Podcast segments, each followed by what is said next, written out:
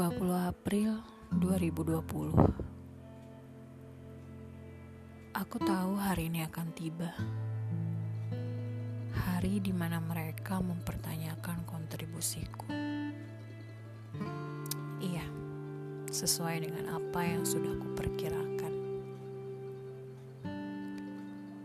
Seperti biasa, aku mengarang cerita penenang untuk mereka sambil menyimpul senyum.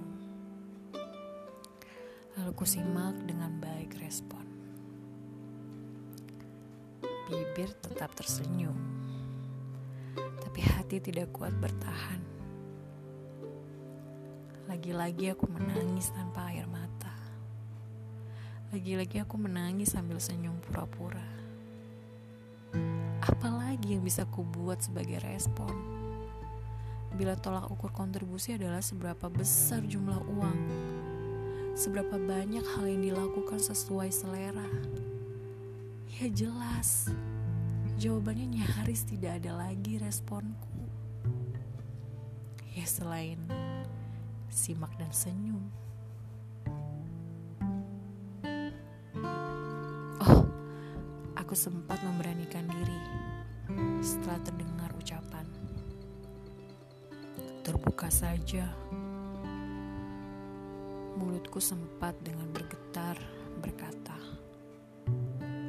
"Karena Na tahu kalau tidak bisa kasih uang, jadi Na berusaha bantu dalam bentuk lain. Ya memang harus seperti itu." Respon yang ku dengar. Aku tersenyum lagi. Iya. Aku tersenyum lagi. Aku tak ingin berkata-kata lagi. Cukup. Hal-hal yang kulakukan untuk mereka di belakang punggung mereka. Hal-hal yang kulakukan untuk merespon berbagai pinta, termasuk melepas kamu tahun lalu. Hidupku yang sedang hancur-hancurnya ini memang tak akan bisa masuk hitungan. Biar biar jadi cerita aku untuk Tuhan saja. Dan kamu jika masih ingin tahu